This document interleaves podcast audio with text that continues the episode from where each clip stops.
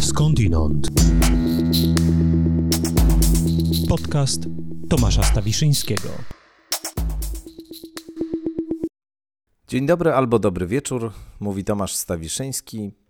Bardzo serdecznie witam Państwa w kolejnym odcinku podcastu Skądinąd. No i już tradycyjnie chciałbym podziękować wszystkim tym z Państwa, którzy się zdecydowali na to, żeby ten podcast wspierać finansowo albo za pośrednictwem portalu Patronite, albo za pośrednictwem mojej strony internetowej www.stawiszynski.org.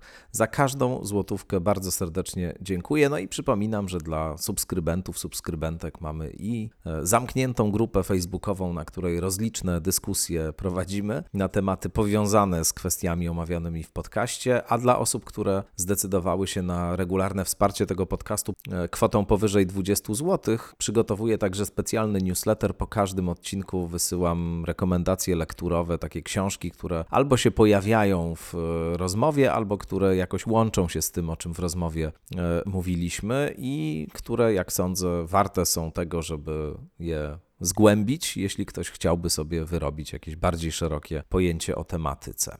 Także raz jeszcze serdecznie dziękuję. Zachęcam też wszystkich z Państwa, także te osoby, które z różnych powodów nie mogą albo nie chcą e, decydować się na wsparcie finansowe, do, jeśli Państwu oczywiście ten podcast się podoba, do szerowania, do lajkowania e, naszej strony na Facebooku, skądinąd podcast Tomasza Stawiszyńskiego, po prostu taki jest adres strony facebookowej. No i do wyrażania aprobaty przy pomocy różnych e, emotikonów, narzędzi, także obecnych na przykład w aplikacjach typu iTunes i we wszelkich innych. Y, przede wszystkim też do propagowania tego podcastu, do tego, żeby y, on mógł dotrzeć do jak największej y, liczby osób, bo to też jest potężny kapitał i to wszystko jakoś powoduje, że ten podcast ma szansę istnieć, rozwijać się do bardzo różnych, mam nadzieję, form i postaci.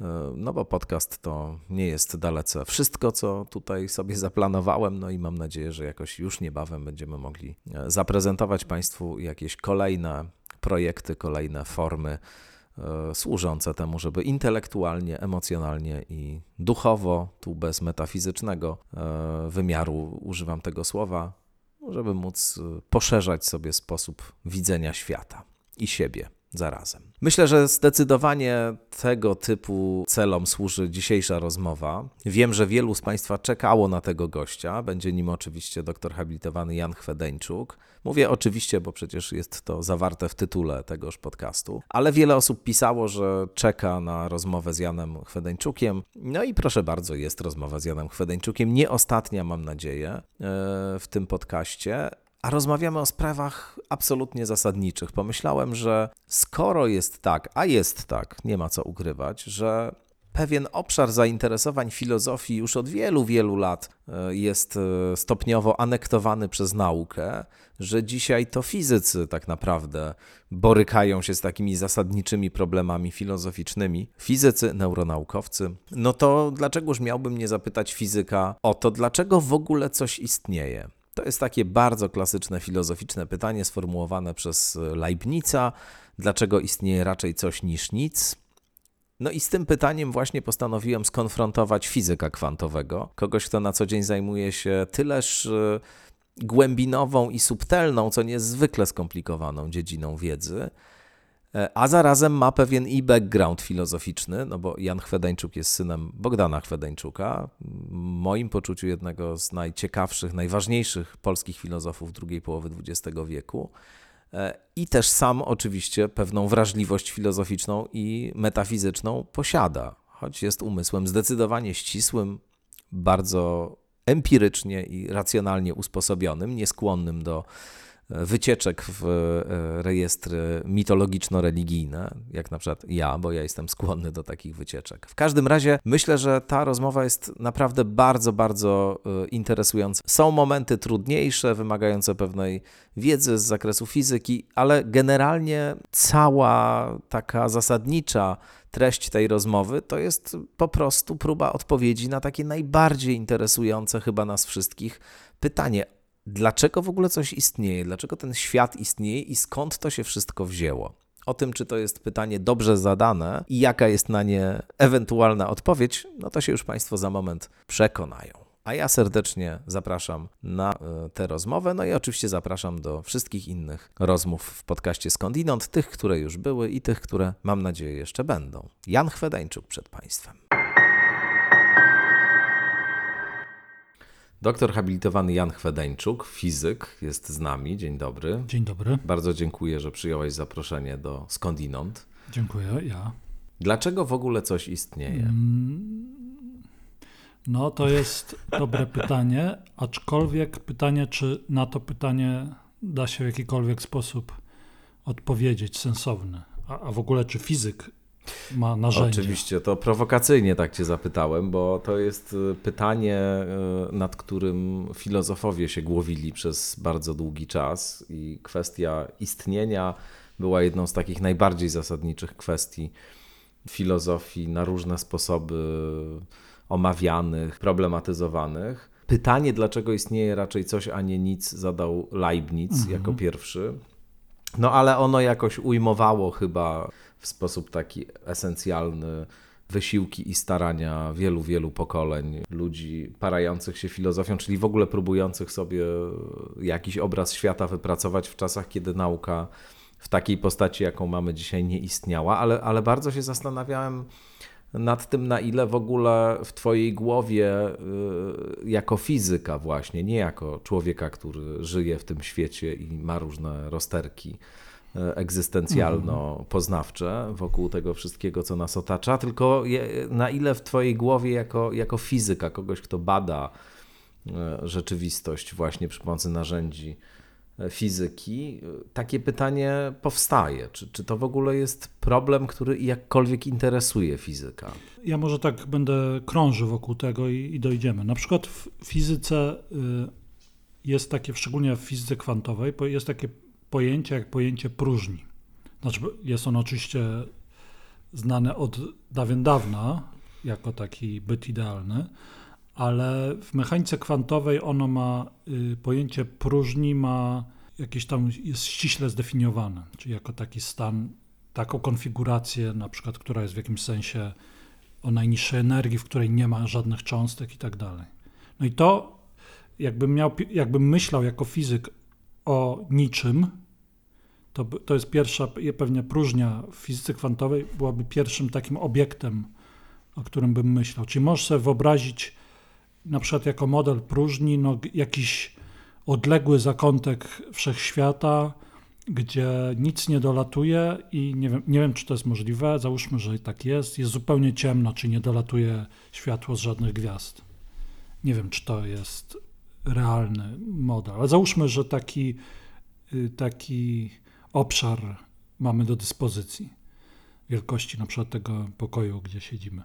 No i teraz to, to nie jest pewnie to nic, o, którym, o które ty pytasz, bo ty pytasz o takie nic y, na bardziej metapoziomie. O nic albo o coś. To- No więc, ale to, jest takie pierwsze nic, które mi przychodzi do głowy. Mhm. Dlaczego? Dlatego, że y, mechanika kwantowa mówi, że coś, co pozornie jest próżnią, czyli takim właśnie taką pustką, no, no jest tylko pozornie, to, to znaczy próżnią, to znaczy tam nieustannie zachodzą procesy y, powstawania i znikania z próżni cząstek, to się nazywają procesy kreacji i anihilacji.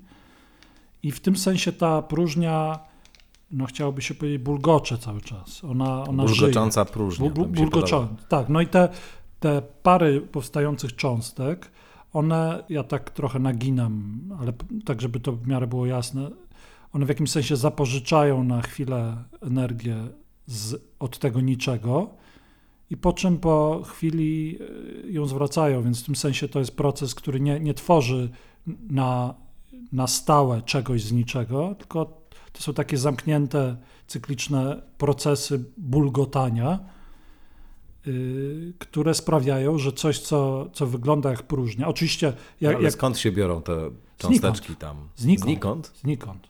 To są, y, to się mówi w mechanice kwantowej, to są procesy spontaniczne, to znaczy nie ma żadnego y, oddziaływania, które by. Czyli to jest creatio ex nihilo. Tak, ale ono, y, nie, ono nie jest, y, tak jak powiedziałem, te, te cząstki nie nabierają y, własności takich niezależnych bytów. To znaczy one.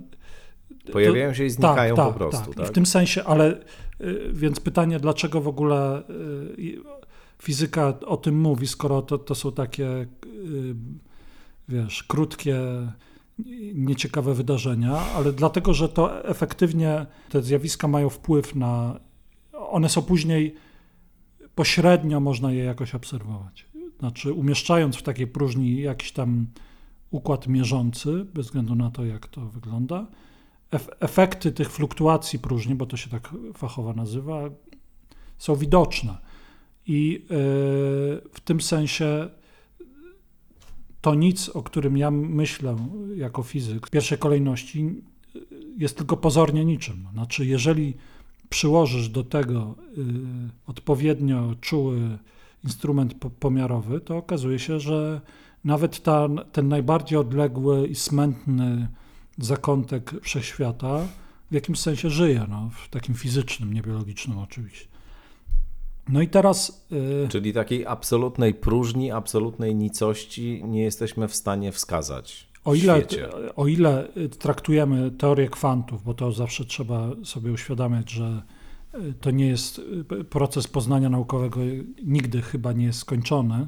Więc o ile trakt, byśmy traktowali jednak teorię kwantów jako ostateczną wyrocznię mówiącą o strukturze świata w tej skali mikro, no to to nie, to nie ma czegoś takiego jak próżnia. Znaczy próżnia, oczywiście jakby, jakbyśmy my się tam znaleźli, to, to byśmy nic nie widzieli, bo to było, są zbyt subtelne efekty, ale skoro już mówimy o niczym takim prawdziwym niczym, no to w ramach współczesnej teorii coś takiego w ogóle nie istnieje. Mhm. Z tym, że trzeba y, mieć na uwadze to, że jest to y, no, że jest to teoria skonstruowana na podstawie danych empirycznych prowadzonych w tym świecie. Innymi słowy, bo tu jest ten problem z tym pytaniem dla mnie. Y, zawsze odczuwam, jak słyszę to pytanie, które ty zadałeś na początku. No, no może w ogóle być źle zadane, bo ale to jest jeszcze inna sprawa. Może być, ale to nie zmienia faktu, że ono jest bardzo stymulujące. No. Na pewno.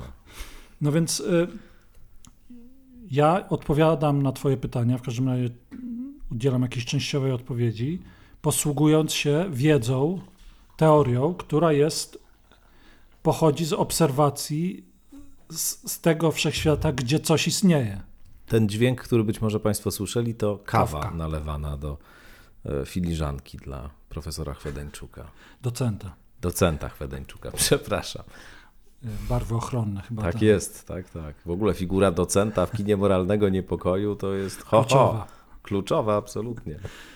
Dylematy zawsze docent przeżywał, różnorakie. Ale w naukach medycznych chyba nadal się stosuje. Tak mi się zdaje. Jest, są docenci. E, tak czy siak, wracając do, do pustki, wszyscy jesteśmy uwiązani no, jakimś językiem i jakimś rozumowaniem, które e, jest zbudowane na podstawie bytowania w tym fizycznym świecie. W związku z tym, w pewnym sensie, w ogóle nie wiadomo, jak, jak zaatakować ten problem, jak to mawiają fizycy. To mm. znaczy, zadajmy takie pytanie, czy można by opisywać wszechświaty, bo wyobraźmy sobie, że to nic to jest jak, jakimś wszechświatem. To nic jest w niczym czy w czymś. To, ja no mam właśnie. tu gigantyczne problemy, yy, wiesz, takie, żeby zawsze jak odpowiadasz na jakieś pytanie, no to bardziej złożone w każdym razie fizyce, to najpierw tworzysz prostszy model i na podstawie tego budujesz intuicję i potem próbujesz ogólną, sformułować ogólną odpowiedź. No więc tutaj tego prostego modelu, no ten prosty model, co ja bym sobie tworzył, no to bym jakiś taki, jakąś taką, nie wiem, kulę, bańkę, w której nic nie ma, tak? No i teraz, żeby tam naprawdę nic nie było, no to musielibyśmy opisywać tę bańkę przy pomocy no, jakichś praw fizyki innych niż te, które znamy. Bo tak jak powiedziałem, te, które znamy, wykluczają taką możliwość, żeby tam naprawdę nic nie było. Tam będzie ta próżnia tak sobie bulgotała. Teraz pytanie, jakby miał wyglądać opis, jak fizyk miałby skonstruować opis niczego?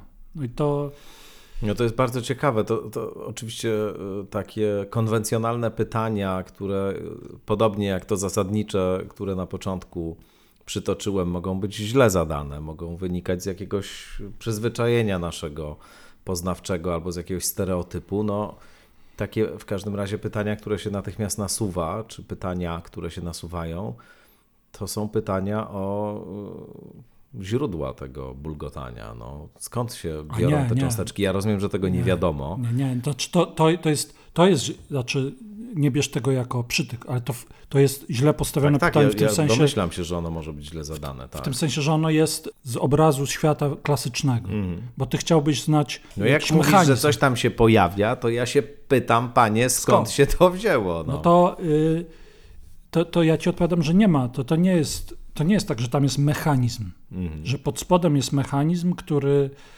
y, raz na jakiś czas rzut kostką i on, wiesz, tutaj coś mignie, tam mignie. Mhm.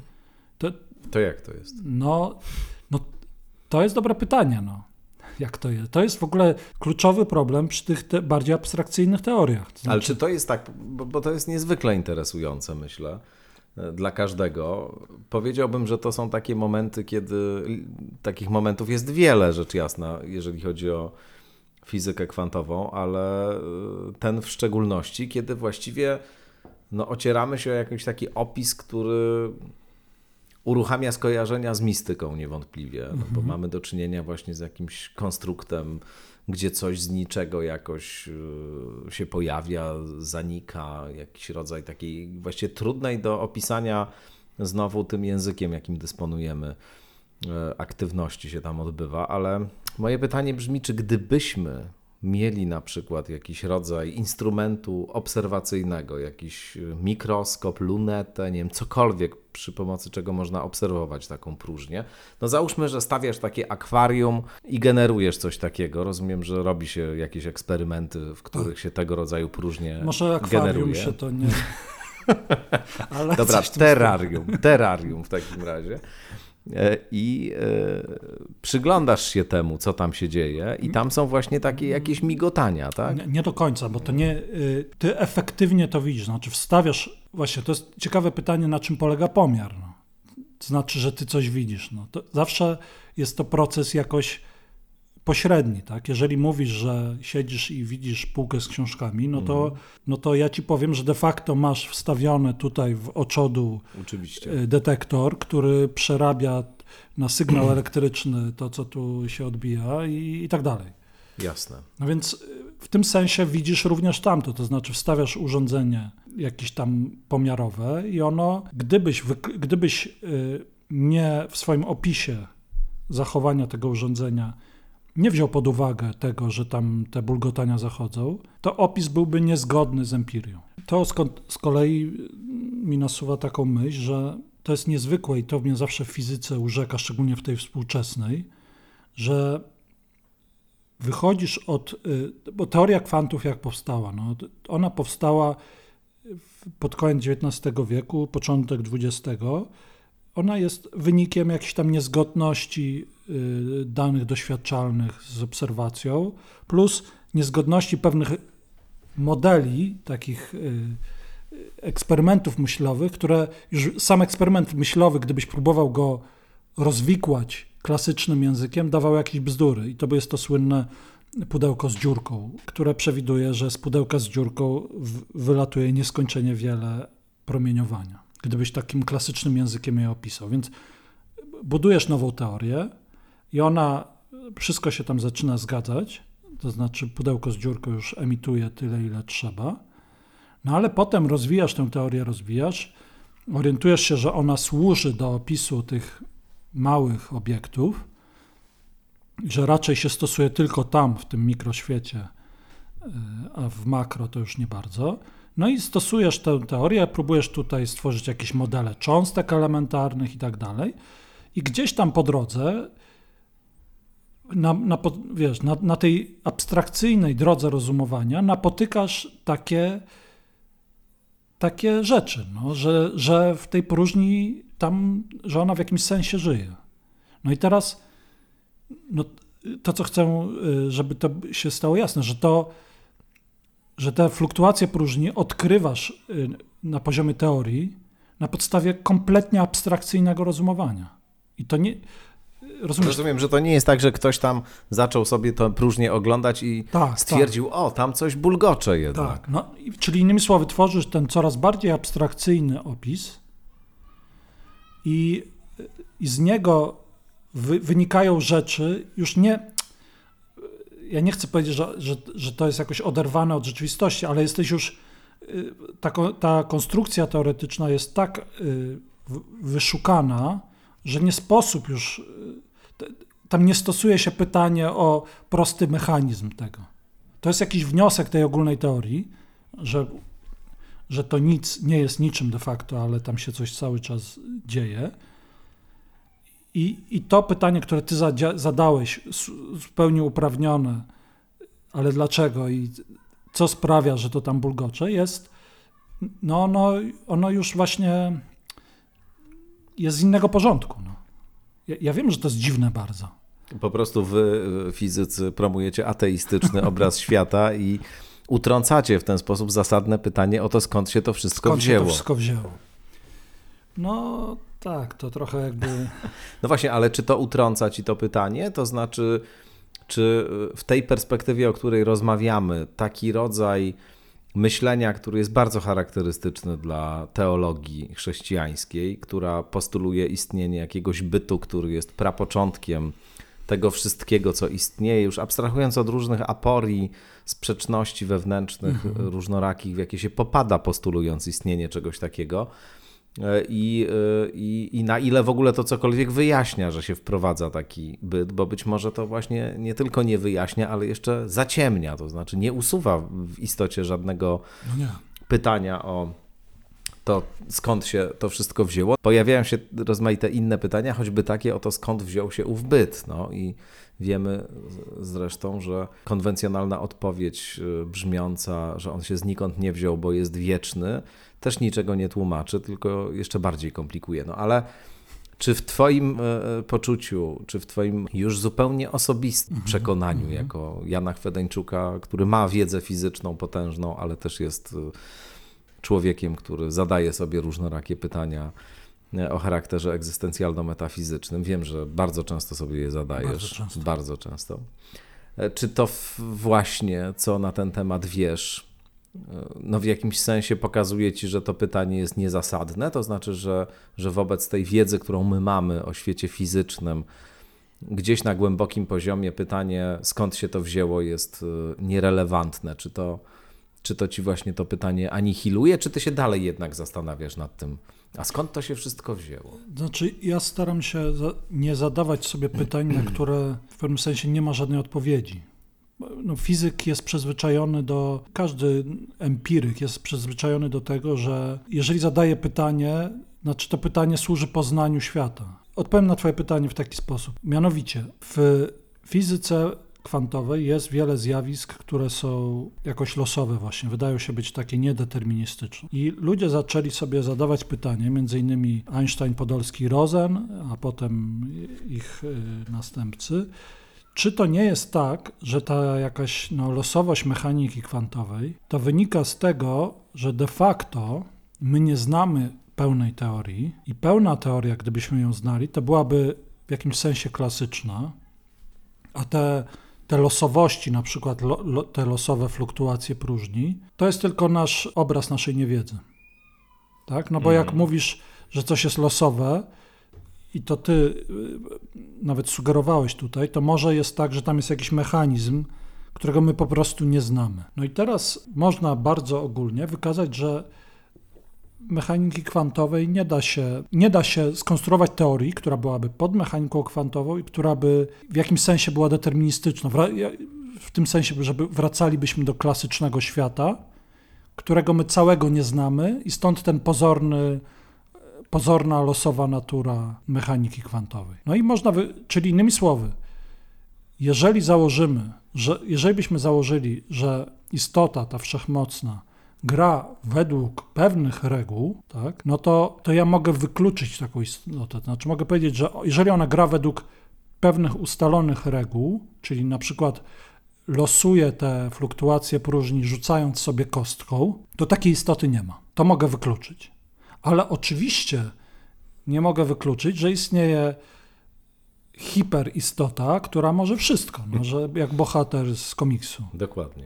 I skoro tak nie, skoro mog, dopuszczalibyśmy taką istotę, no to ja nie jestem w stanie w żaden sposób z tym dyskutować. Wiesz, tutaj nawiązuje trochę do e, słynnego, słynnej afery wokół dosłownie kilku zdań, które Stephen Hawking zawarł w książce napisanej wspólnie z Leonardem Lodinowem The Grand Design, wielki projekt. Ta książka przed kilkoma laty się ukazała i tam Hawking stwierdził, że wszechświat może powstawać i powstaje z niczego i że niepotrzebna jest żadna e, istota, e, którą postawimy gdzieś na początku jakiegoś procesu przyczynowo-skutkowego czy ciągu przyczynowo-skutkowego.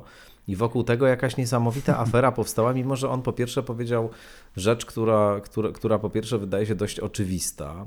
Była już mówiona wielokrotnie e, przez wielu różnych ludzi, którzy na temat e, istnienia e, Boga się wypowiadali, a po drugie zastanawiam się na ile w ogóle taki Bóg czy taka istota jest pojęciem, które w tym słowniku fizycznym powinno się pojawiać. No bo dlaczego on właściwie o tym Bogu powiedział i go wprowadził do swojego rozumowania dotyczącego wszechświata? Jak myślisz? Dla mnie to jest mieszanie porządków, prawdę powiedziawszy. Ja abstrahuję od wszelkich kulturowych i historycznych aspektów religijności, tylko mówię mówię o prowadzeniu pojęcia tej nadistoty, czy Boga, czy jak to nazwiemy, do tłumaczenia, rzekomego tłumaczenia pochodzenia wszechświata. Mm.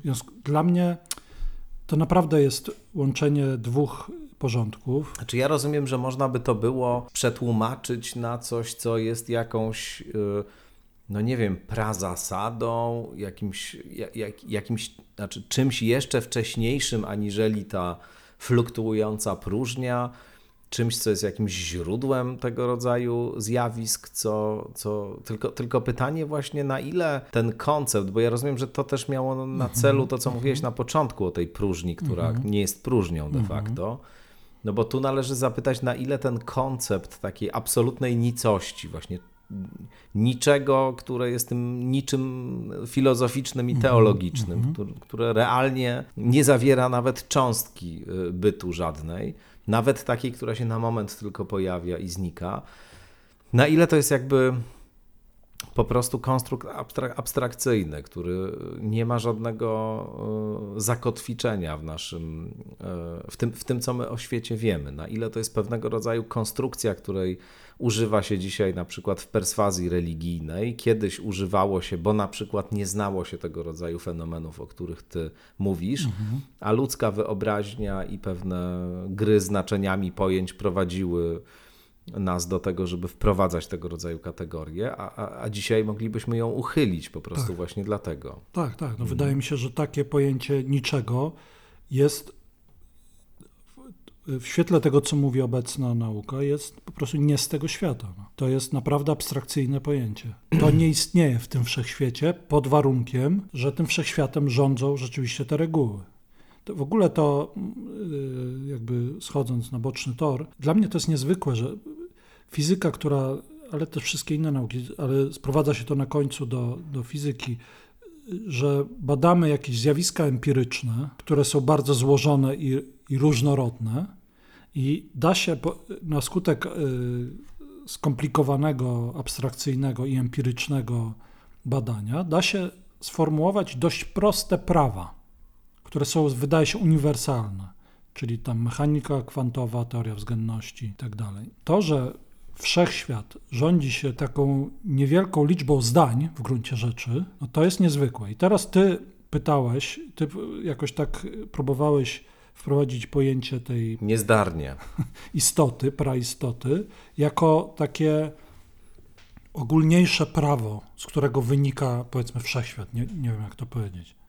Tak jakoś w ten sposób sugerowałeś. Tak. No, co, co jest jakąś y, wcześniejszą jeszcze przyczyną po prostu. Tak, no ale to w tym sensie rozumiem, że jest to ciągła ekstrapolacja no, jakiegoś opisu fizycznego. No bo mm, użyłeś takiego mm. języka trochę no, naukowego, tak? Powiedziałeś przyczyną. No chciałem trochę e, przetworzyć ten, e, tę wypowiedź Hawkinga, która była wypowiedzią korzystającą z terminologii religijnej, no bo pojawił się tam Bóg, na jakieś terminy, które są bliższe powiedzmy takiemu myśleniu właśnie, o którym rozmawiamy. To mhm. znaczy, że nie musisz od razu postulować istnienia takiej istoty, która posiada pe pewnego rodzaju dyspozycje i cechy, tylko możesz e, nie uchylać tego pytania całkowicie, właśnie przetwarzając je na bardziej wysubtelnione intelektualnie pytanie, jakie jest pochodzenie e, tego, mhm. co istnieje. Więc pytanie, czy ta praprzyczyna, czy ją można empirycznie badać?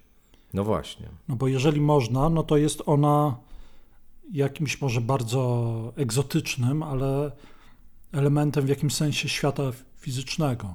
Nie jest w tym, na tym meta poziomie. Mhm. A jeżeli tak nie jest, no to w tym sensie nie jest ona, moim zdaniem, obiektem zainteresowania y, nauki.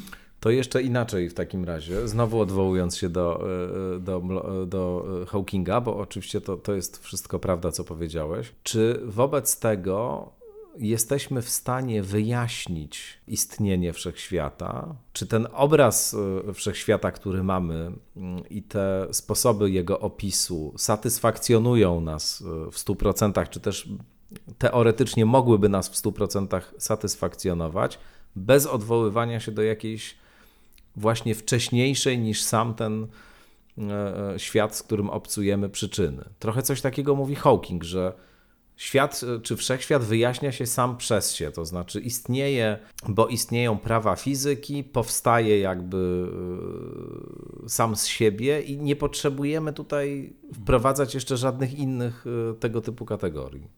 To znaczy ja nie potrzebuję, ale bo moim zdaniem one nic nie tłumaczą, ale nie, no to znaczy nie, nie ma pytania, nie ma końca pytania o, o przyczynę, moim zdaniem. Znaczy, mm. Co to znaczy, że istnieją prawa fizyki? No, no to już jest tak samo.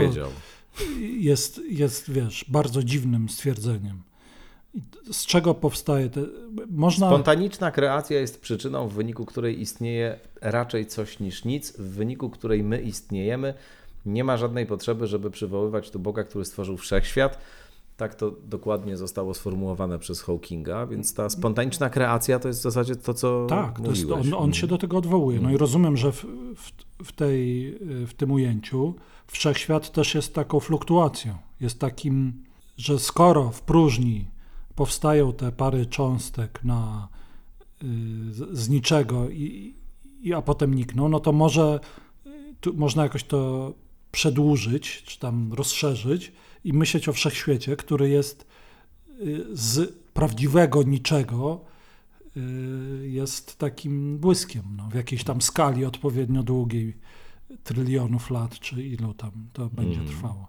No i to, je, to jest piękne, tak? Piękne. Tylko oczywiście. To też straszne trochę. Trochę straszne, po pierwsze, a po drugie, no, no, ja nie czuję się w pełni usatysfakcjonowany, bo chciałbym zrozumieć to nic, w którym to powstaje, tak? Bo czy to no jest właśnie, takie a... prawdziwe nic?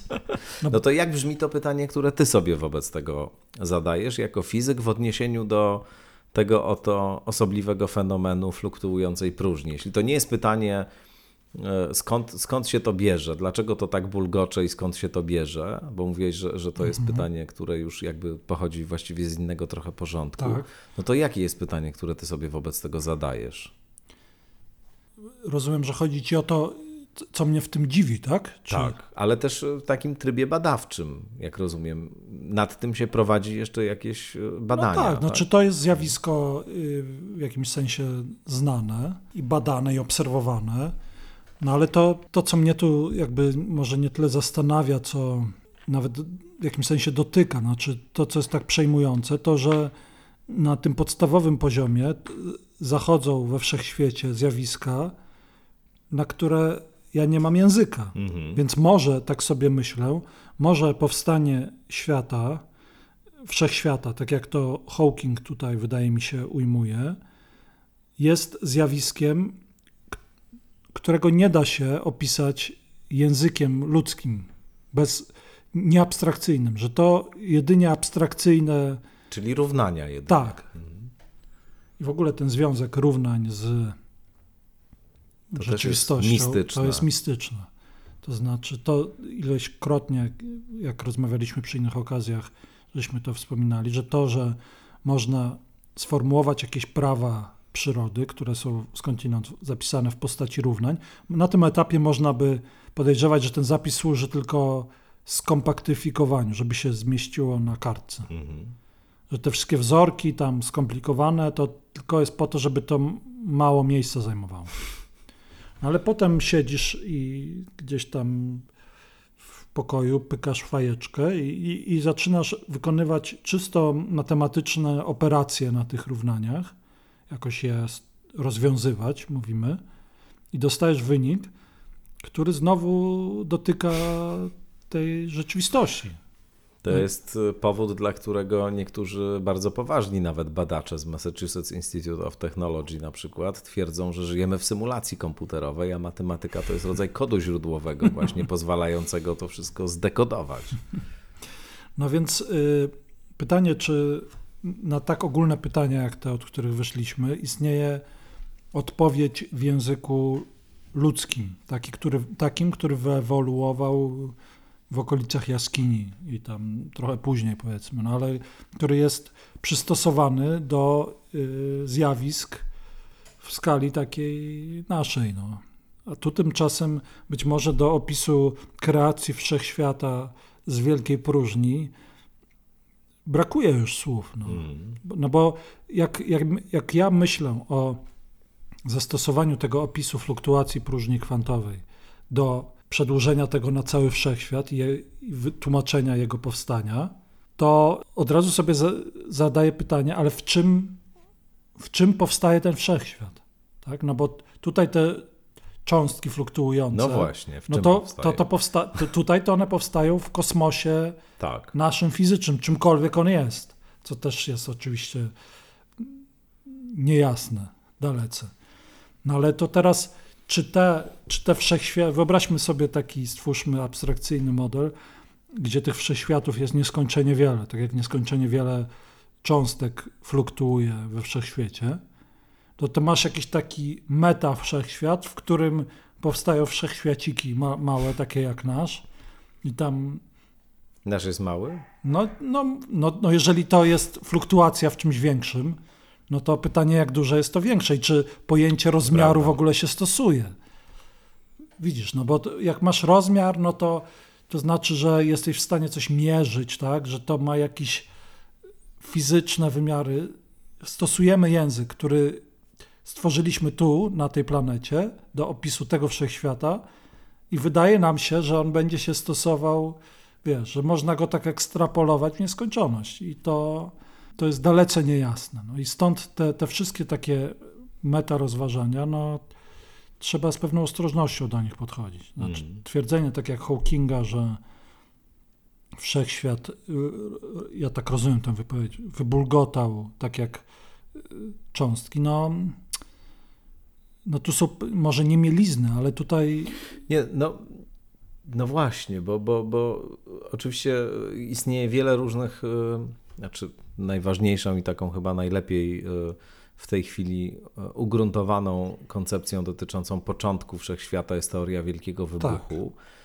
Ale pytanie o to, co było przed Wielkim Wybuchem, pozostaje w mocy. No właśnie, pytanie, czy, nie? Czy to... Skoro czas się zaczął z Wielkim Wybuchem, no to, pytanie, to jak czy... można zapytać, tak. ale co to znaczy, że czas się wtedy zaczął?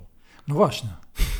No bo samo słowo zaczął no właśnie. Oznacza, że wcześniej nie Go było. Nie było. czyli, to. czyli innymi słowy, zanurzasz to w jakimś takim przebiegu czasowym, w takim jakimś meta przebiegu czasowym. Tutaj nie było wcześniej, 5 minut wcześniej. Czasu nie było a wcześniej. Potem, tak, a potem upłynęło 5 minut i czas zaczął tak, płynąć. Tak. No widzisz, że język się załamuje. Tylko język, czy, czy w jakimś sensie właśnie pewien obraz rzeczywistości, który mamy? No, nawet obraz, z tym, że to, to już są rozważania filozoficzne. Znaczy, to nie jest tak, że tam się gdzieś łamie fizyka, bo jeszcze to jest tak ogólne są to rozważania, że tu nie wiadomo, tak na poziomie fizycznym, yy, nie wiadomo, co opisujemy. Tak? To znaczy, tu nie ma żadnej empirii. No, jest to tak abstrakcyjne yy, rozumowanie, że być może to nigdy się poza to nie da wyjść. No. Być może żyjemy w tym wielkim, wspaniałym kosmosie i nigdy nigdy nie wykroczymy poza pewną granicę. Ale ze względu właśnie na uwarunkowania naszych aparatów poznawczych, że ze względu na to, że tak mamy skonfigurowane mózgi, umysły, takimi dysponujemy e, możliwościami poznawczymi, że nie będziemy w stanie nigdy poza to wykroczyć. A gdyby przyszedł ktoś, kto jest y, zupełnie inaczej, kto ma zupełnie inaczej zbudowany aparat poznawczy, to by sobie z tym poradził? Czy, czy, nie, czy to tu miałem na myśli to, że powiedzieć? wszystkie istoty, które ewoluują we wszechświecie, są uwiązane, są zanurzone wewnątrz tego świata i, Mhm. i, i nie da się może nigdy wyjrzeć poza tę, tę bańkę. Dzisiaj obserwowałem rano muchę. Takim, są okna nowoczesne, mają taką pozycję uchylną Tak jest. że są pod kątem. No i ta mucha tłukła się na tym uchylonym y, oknie, bo chciała wylecieć na zewnątrz. No i nie przyszło jej do głowy, Muszę. że wystarczy, że to okno jest uchy- że trzeba by sprawdzić, czy ono przypadkiem nie jest uchylone, bo tam jest przejście tak naprawdę. Bo ona po prostu ma zakodowane, żeby walić w tę szybę, bo tam jest jasno. Ta, ja tak rozumiem, że ta, ona tam chce po prostu No, polecieć, no, tam gdzie jasno. że tam jest dalej Tam jest wyjście. przestrzeń. Tak, tak. No i wali głową w tę szybę godzinami, zamiast po prostu przejść się A, po... a ty się temu e, przyglądałeś no ja, ja jak już się zorientowałem, to tam jej pomogłem, ale chwilę właśnie tak, no i to, nad tą muchą się może nie pastwiłem, ale obserwowałem ją. Może to była mucha roszczeniowa, która mm, żądała tego, żeby tutaj przejście się pojawiło. i Ona nie będzie, tak, ona nie będzie gdzieś tam, wiesz, latać i sprawdzać. Ona chce wyjść tu i teraz, bardzo proszę. No to w tym sensie tak postrzegam wszystkie istoty, które, tak podejrzewam, że może być ze wszystkimi istotami, które we wszechświecie ewoluują, że pewien chyba, a może nie, no może wiesz, to już wychodzimy naprawdę, popuszczamy wodze fantazji. A może, co tam? Możemy sobie na to pozwolić. A co? może jest jakiś kontakt z, wiesz, z, z jakimś metaprzestrzenią, jeżeli ona istnieje. I jeżeli by był, to wtedy istnieje możliwość jakiegoś pomiaru, tak? I można coś wnioskować, bo jeżeli nie ma wyjścia żadnego poza bańkę, no to żadnego, tak? To, to koniec. Znaczy, to nie jest. Nie można żadnych sensownych zdań sformułować, Mhm. bo nie mamy żadnego dostępu do tego. I w, w tym ja podobnie trochę z mojej ateistycznej perspektywy patrzę na te, to pojęcie stwórcy. To znaczy, jeżeli postulujemy byt, który jest gdzieś tam na zewnątrz i nie mamy do niego żadnego dostępu y, On się tu pomiarowego. komunikuje. No właśnie, a jak się komunikuje? No, są książki, które on tam zainspirował. Przysłał tutaj y, swojego syna, właściwie to on sam jest tym synem zarazem. On tu cuda czynił różnorakie, zmartwychwstał. No dobra, no to okej, to, to są, to są y, zjawiska empiryczne, które niektórych, bardzo wiele osób przekonują. Mnie, mnie one nie przekonują, ale to, jest okej, bo to wtedy rzeczywiście, jak, Tak. jak jest komunikacja, to, to jest jakieś oddziaływanie. Wiesz, tak? rozmawiałem, y, no to już było dawno temu, y, niedługo zresztą przed śmiercią y, profesor Barbary Stanosz, z nią na temat ateizmu. Barbara Stanosz, logiczka, filozofka, współpracowniczka zresztą Bogdana Chwedeńczuka, z tych Chwedeńczuków, y, przy okazji y, pisma Bez Dogmatu, które w latach 90. wychodziło w Warszawie. Ono dalej wychodzi, ale już jest zupełnie inna ekipa i inny duch, jeśli można użyć tego sformułowania, co jest już ryzykowne bardzo w odniesieniu do tej e, niezastąpionej ekipy, która, która e, w zasadzie była jedyną taką prawdziwie świecką, ateistyczną, e, czy tworzyła taką jedynie jedyną realnie świecką, ateistyczną propozycję światopoglądowo-polityczną wtedy. No a dzisiaj już na dobrą sprawę tym językiem bez dogmatu mówi mainstream. Wtedy to to, jest był niezwykłe. tak, wtedy to, byli jest ekstremiści. W każdym razie Barbara Stanosz powiadała w tym wywiadzie, mogą go Państwo przeczytać na mojej stronie internetowej www.stawiszynski.org, tam wszystko jest y, do odnalezienia. Gdyby Bóg istniał, nagradzałby za ateizm. Taki jest tytuł tego wywiadu. To jest cytat z Barbary Stanosz, bo ona tam przekonuje, że jeśli Bóg ma te parametry, które mu się przypisuje, no to bez wątpienia jakby lubi ateistów i, i ateistów uważa za, za najlepiej jakoś odpowiadających na swoją ludzką, znaczy sytuację egzystencjalną. W każdym razie ona tam mówi coś takiego, że istnieją różne koncepcje czy takie pojęcia bóstwa. Jedna to jest taka właśnie, o której po powiedzieliśmy, to znaczy taka mm, mitologiczna, taka, która jest zawarta w różnych przekazach religijnych i to jest jakaś wtedy opowieść o jakiejś istocie, która właśnie ma pewne określone cechy, pojawiła się tutaj e, na Ziemi, e, dokonywała pewnych działań, zostało to zapisane i tak dalej, i tak dalej. I powiada Stanosz, ok, ja to, ja to przyjmuję, tak jak ty mówi, ja to przyjmuję, to jest pewien opis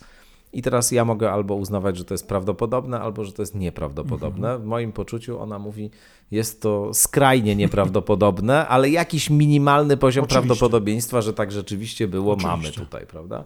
Natomiast drugim e, pojęciem Boga jest e, Bóg teologiczny, filozoficzny. To są te wszystkie niezwykle skomplikowane rozważania zawarte w tekstach teologicznych i metafizycznych. No i to już jest bez sensu. To znaczy, to jest po prostu coś, czego ja nie rozumiem, nie wiem o co w tym chodzi. Oczywiście ona korzysta z empirycznej teorii sensu, powiada, że tyle ma w pojęciu sensu poznawczego, ile w nim jest empirii, mhm. czyli że nasze, nasz język korzysta po prostu z tego, co nasze zmysły mhm. są w stanie zarejestrować, a jak w tych pojęciach nie ma tego, co zmysły są w stanie zarejestrować, to one są funta kłaków warte, te pojęcia, i nic tak naprawdę nie mówią, tylko imitują znaczenie, i to jest coś takiego według niej. Mhm. Zgodziłbyś się z takim rozróżnieniem? No, no tak, znaczy jeżeli mówienie o, o, o Bogu czy o takiej istocie sprowadza się do jakichś zjawisk empirycznych, to ja rzeczywiście mogę z tym nawiązać jakiś kontakt. Mogę temu nadać sens, prawdopodobieństwo, ale w, w sytuacji, kiedy jest to. Ja nie wiem, jakie są te rozważania, o których ty mówisz, ale rozumiem, że to już jest istota w tych rozważaniach jest w jakimś sensie oderwana zupełnie od, od świata, w sensie, że ona jakoś istnieje w jakimś meta. Znaczy już się wtedy tak głęboko y, rozważa jakieś jej y, atrybuty albo brak tych atrybutów, tak się ją abstrakcyjnie definiuje, że jeśli mówimy o tradycji chrześcijańskiej, że, że, że wtedy właśnie trudno jakby o o sformułowanie tego rodzaju opisu, czy trudno, żeby te, to pojęcie odpowiadało na przykład temu mitologemowi zarazem. -hmm. Trudno połączyć te dwie postacie, czy te dwa pojęcia ze sobą. Tego jakiegoś człowieka, który tu się urodził, miał ciało fizyczne, chodził po ziemi i coś tam robił i, i, i mhm. załóżmy, że rzeczywiście umarł, a później znowu żył. Mhm. No i ten taki e, byt e, absolutny, wszechmocny, e, wszechwiedzący, doskonały i tak dalej, i tak dalej.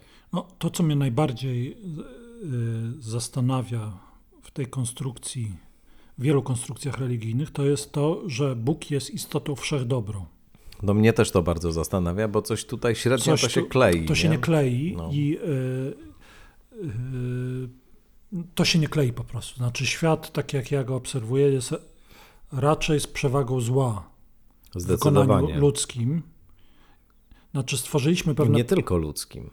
Ale, ale znaczy, ja... Trudno oczywiście moralnie no przypisywać jakby moralność y, czy charakter moralny zjawiskom przyrodniczym, ale z tej perspektywy, o jakiej mówimy, to myślę, że dzisiaj w ogromnym stopniu dzięki wiedzy biologicznej na przykład, dzięki też rozwojowi różnych y, możliwości y, rejestrowania tego, co się w świecie dzieje na różnych bardzo jego poziomach. Widzimy na przykład, ile w przyrodzie jest bezładu, bezwładu, potwornego jakiegoś mhm. okrucieństwa, śmierci, cierpienia, cierpienia i tak dalej. Tak, nie? Wynaturzeń, chorób. No właśnie.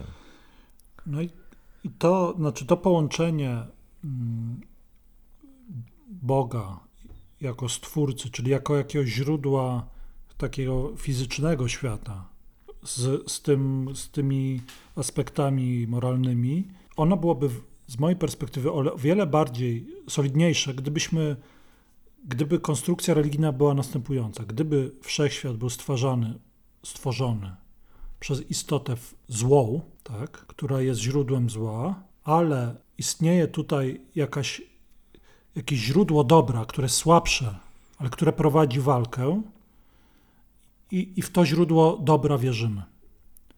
To gnostycyzm w zasadzie. Tak? Sformułowałem, tak? tak. I to y, wydaje mi Mi się... też jest bardzo bliski ten e, światopogląd zresztą. To, to wydaje mi się o wiele bardziej kleić, tak? Mhm. To znaczy ja nadal, mnie to nie przekonuje, bo ja nie, nie widzę powodu wprowadzania tej istoty, ale ja nie, nie, nie dyskutuję z, z potrzebami ludzi i z ich wierzeniami. Mnie to w ogóle nie, jakby to nie jest, nie mam uprawnień do krytykowania tego.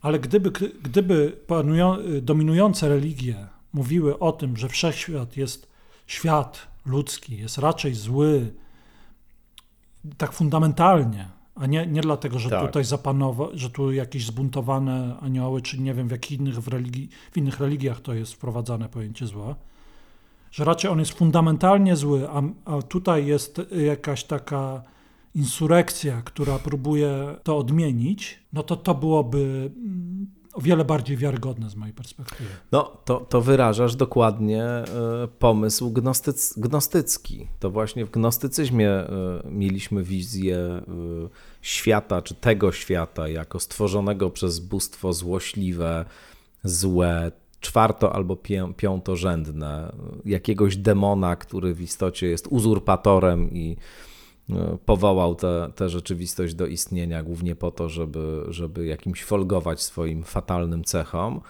E, Ponieważ to są takie światopoglądy zstępujące, czy wizje kosmosu zstępujące w gnostycyzmach, no to mamy gdzieś zazwyczaj daleko, daleko w jakichś odległych eonach to bóstwo dobre, które jest źródłem światła i dobra. Z różnych powodów y, ludzie tutaj na Ziemi to są jakieś takie y, iskry tylko tego dobra, które gdzieś upadły w ten y, świat materialny, y, stworzony przez owego złego demiurga. E, Co więcej, nie pamiętają, to taki klasyczny hymn, e, tekst gnostycki, hymn o perle o tym mówi, nie pamiętają o tym, że tę gwiazdę czy tę iskrę w sobie mają, no ale właśnie praktyka gnostycka może im pozwolić e, jakoś to w sobie obudzić, dokonać tej insurekcji, o której powiedziałeś e, i e, na powrót zwrócić ich e, w kierunku realnego światła, które gdzieś tam można za pośrednictwem różnych e, trudnych praktyk, także bardzo ścisłej etyki postępowania na przykład w sobie rozpoznać i obudzić. Więc jakby Jan Chwedeńczuk jako gnostyk, bardzo mi się to podoba. Sam, sam jestem, czy czuję się zdecydowanie takim, nie chcę powiedzieć, że wielkim wielbicielem czy wyznawcą gnostycyzmu, ale jeśli miałbym wskazać taki światopogląd, który jakoś naj, moim zdaniem najlepiej odzwierciedla realia świata, w którym żyjemy, jakieś intuicje być może także moralno-etyczne wobec rzeczywistości, no to byłby to właśnie gnostycyzm. No, dla mnie to jakby mój obraz jest taki bardziej. Nie no, wiem, opisałem to rzecz jasna, Ja- ja rozumiem. bo mi się to skojarzyło z tym, co powiedziałeś, bo wydaje mi się, że taka bazowa intuicja jest analogiczna do intuicji gnostyckiej. To oczywiście religia e, bardzo wczesna, na, na wczesnym etapie chrześcijaństwa, czy nurty różnego rodzaju na wczesnym etapie chrześcijaństwa występujące, skutecznie wytępione i brutalnie wytępione przez Kościół katolicki. No, z mojej perspektywy to, to zło, coś co nazywamy złem, bo to jest w ogóle ciekawe No, jasne. to rozróżnienie, to, no, to są czysto biologiczne, to są konsekwencje jakichś ewolucyjnych procesów i to, że dominują w nas jakieś cechy, które, które skądinąd nazywamy złymi, to jest dość w ogóle zabawna zbitka. Wiesz, że, że w ludziach jest dużo, w naszych zachowaniach społecznych, aspołecznych, jest dużo czegoś, co nazywamy złem i to jakby to piętnujemy co, swoją własną naturę. To jest bardzo ciekawe, że, że ta nasza natura, wiesz, że tworzy pojęcie dobra i zła i ono jakoby ono piętnuje to, co jest Kwintesencją. tak, no mo, tak, tak, no, co jest powszechne. To jest ciekawe, skąd się Mm. pojęcie dobra bierze. No. no więc dla mnie to są, to, to zło, to jest e, w cudzysłowie, to, to co nazywamy złem, no to jest konsekwencja jakichś tam biologicznych, y, ewolucyjnych procesów, które są niekorzystne ze względu tam z punktu widzenia wspólnoty, czy jak na to patrzeć. Ale to jest takie zjawisko emergentne, tak? To znaczy, jak weźmiesz bardzo dużo osobników biologicznych, które ewoluowały tak i tak, no to one będą rzezać innych y, osobników biologicznych i to potem nazwiemy złem. Będziemy się zarzekać, że to już nigdy więcej.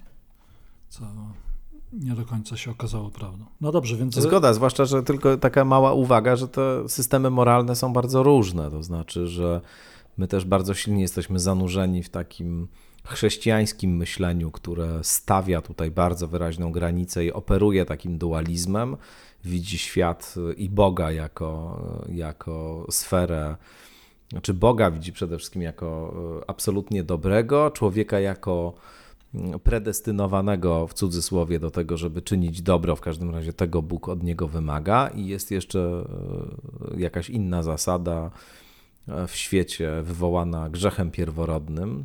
Pytanie, skąd się ten grzech wziął. Wcześniej pojawia się wąż, który jest takim zwodzicielem i, tak i wprowadza te, ten element, ale, ale, ale w, w, istocie zło i cierpienie są skutkami grzechu pierworodnego. Tak w każdym razie w doktrynie katolickiej się to prezentuje.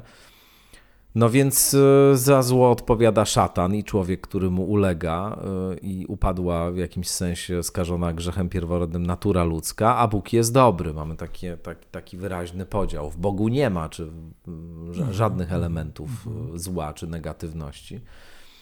No ale istnieją takie etyki, czy takie systemy moralne, czy takie metafizyki, w których e, zupełnie inaczej się to widzi w których e, na przykład w ogóle nie operuje się takim dualizmem, nie, nie mhm. dzieli się tego na dobre i złe, tylko widzi się na przykład rzeczywistość jako no, no, przenikniętą różnymi siłami, pierwiastkami. Yy, a te elementy, które my dzisiaj nazywamy złem, jako pewne właśnie stałe atrybuty różnych rzeczy, które są w różnych proporcjach y, w ludziach i, w sytuacjach rozmieszczone, tak na przykład w starożytnej Grecji y, widziano to, to, to, te sprawy.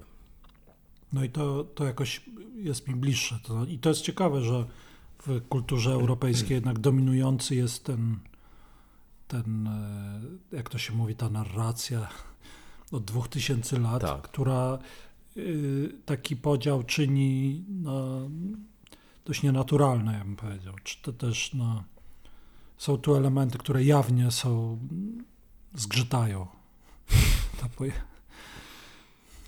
hmm. No właśnie, to jest y, znowu wypuściliśmy na się na takie tereny metafizyczne, ale to bardzo dobrze, dlatego że tak trochę cię chciałem wciągnąć w te, te metafizyczne rozważania. To, to, jeszcze bym przez moment się na innym metafizycznym mhm. doświadczeniu, bardziej doświadczeniu właściwie, mhm. nad tym doświadczeniem bym się zatrzymał i zapytałbym Cię, na ile jakby to jest znowu coś takiego, co można przełożyć na język y, fizyki współczesnej i na ile to jest coś takiego, co Ty sam jakoś odczuwasz, y, co. O ten dźwięk to znowu jest kawa. Chciałbym Cię zapytać mianowicie o takie poczucie dziwności istnienia, tego, mhm. że w ogóle to jest wszystko bardzo osobliwe, że bardzo. jakiś świat funkcjonuje, że on jest tak niebywale skomplikowany, że mamy do czynienia z jakąś niebywale złożoną konstrukcją, której poznawaniu już oddajemy się od naprawdę dłuż, długiego czasu i, i, rozumiemy wprawdzie dosyć dużo, ale jeszcze bardzo wielu spraw w ogóle nie rozumiemy i nie jesteśmy w stanie ich ogarnąć e, rozumem i tymi narzędziami.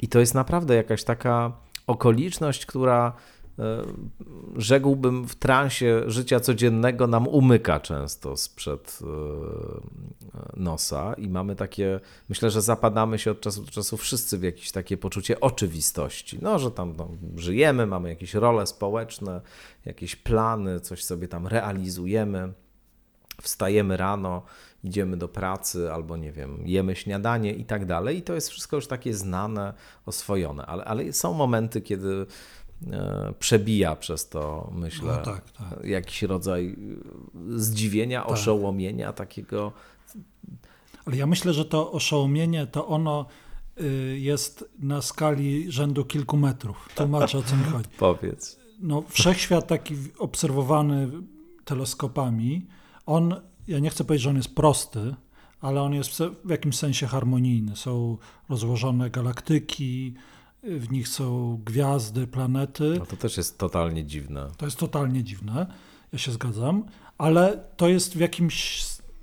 tam jest pewna forma porządku. Potem masz wszechświat, z drugiej strony masz skalę tę mikro-mikro, gdzie oczywiście ten opis, którym dysponujemy, jest bardzo dziwny, no ale tam też jest w jakimś sensie porządek. Znaczy masz tych, te prawa fizyki kwantowej i one no, są jakieś, w jakimś sensie eleganckie. No. Masz tam kwarki, tworzą protony, neutrony, atomy, bla, bla, bla i to, to jest bardzo skomplikowany świat, ale w jakimś sensie on jest y, taki czysty.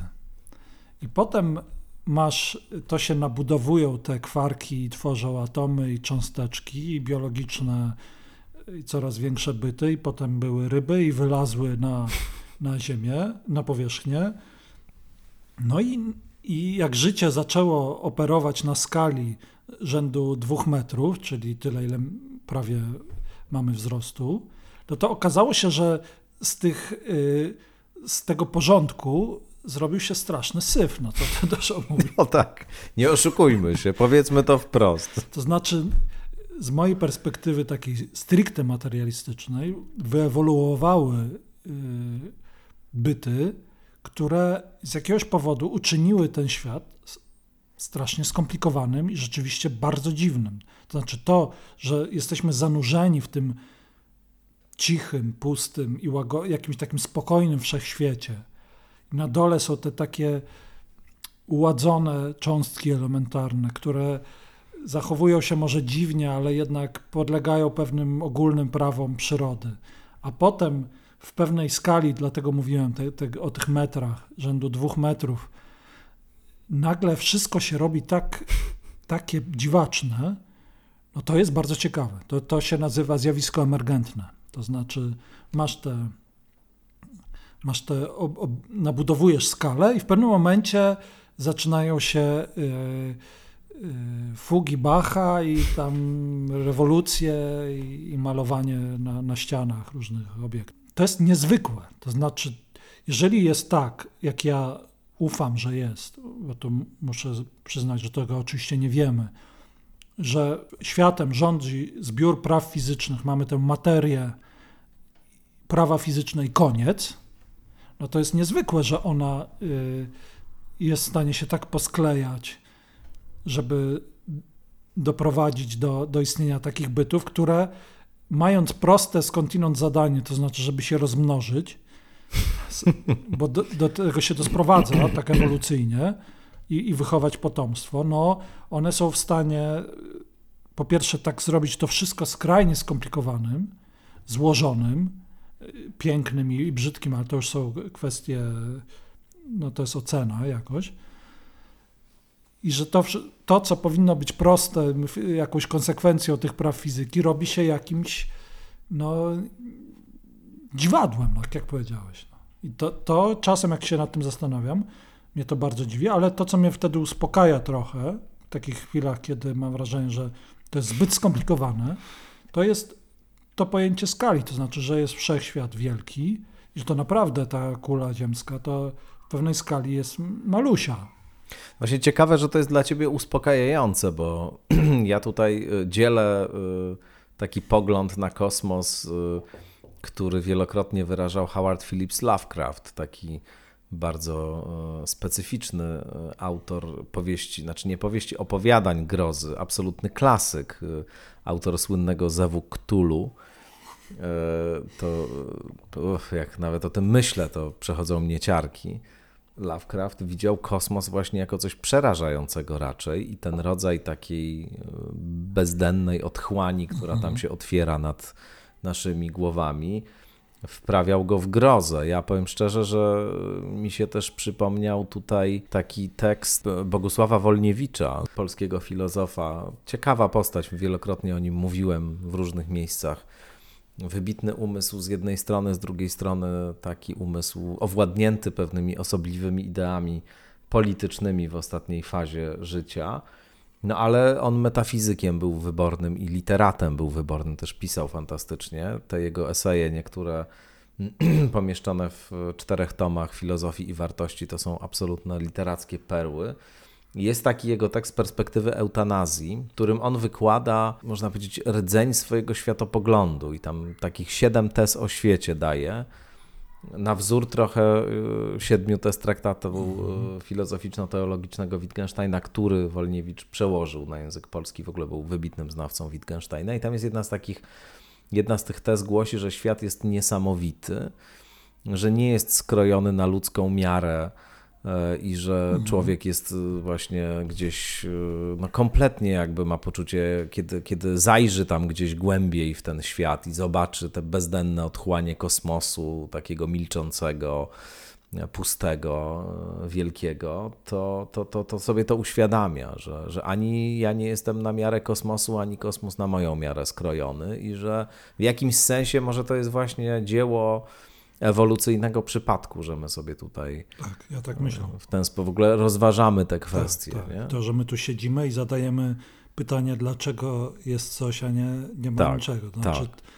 ten proces ciągły od powstania wszechświata, te tam naście miliardów lat temu, formowanie się potem y, skupisk gwiazd, galaktyk i gdzieś tutaj taka kuleczka się y, formuje, na której to wszystko ewoluuje znowu miliardy lat i, i potem my siedzimy przy stole i, i o tym rozmawiamy i mamy jakieś narzędzia, żeby popatrzeć na ten kosmos, żeby popatrzeć na te mikrocząstki. To jest niezwykłe. No.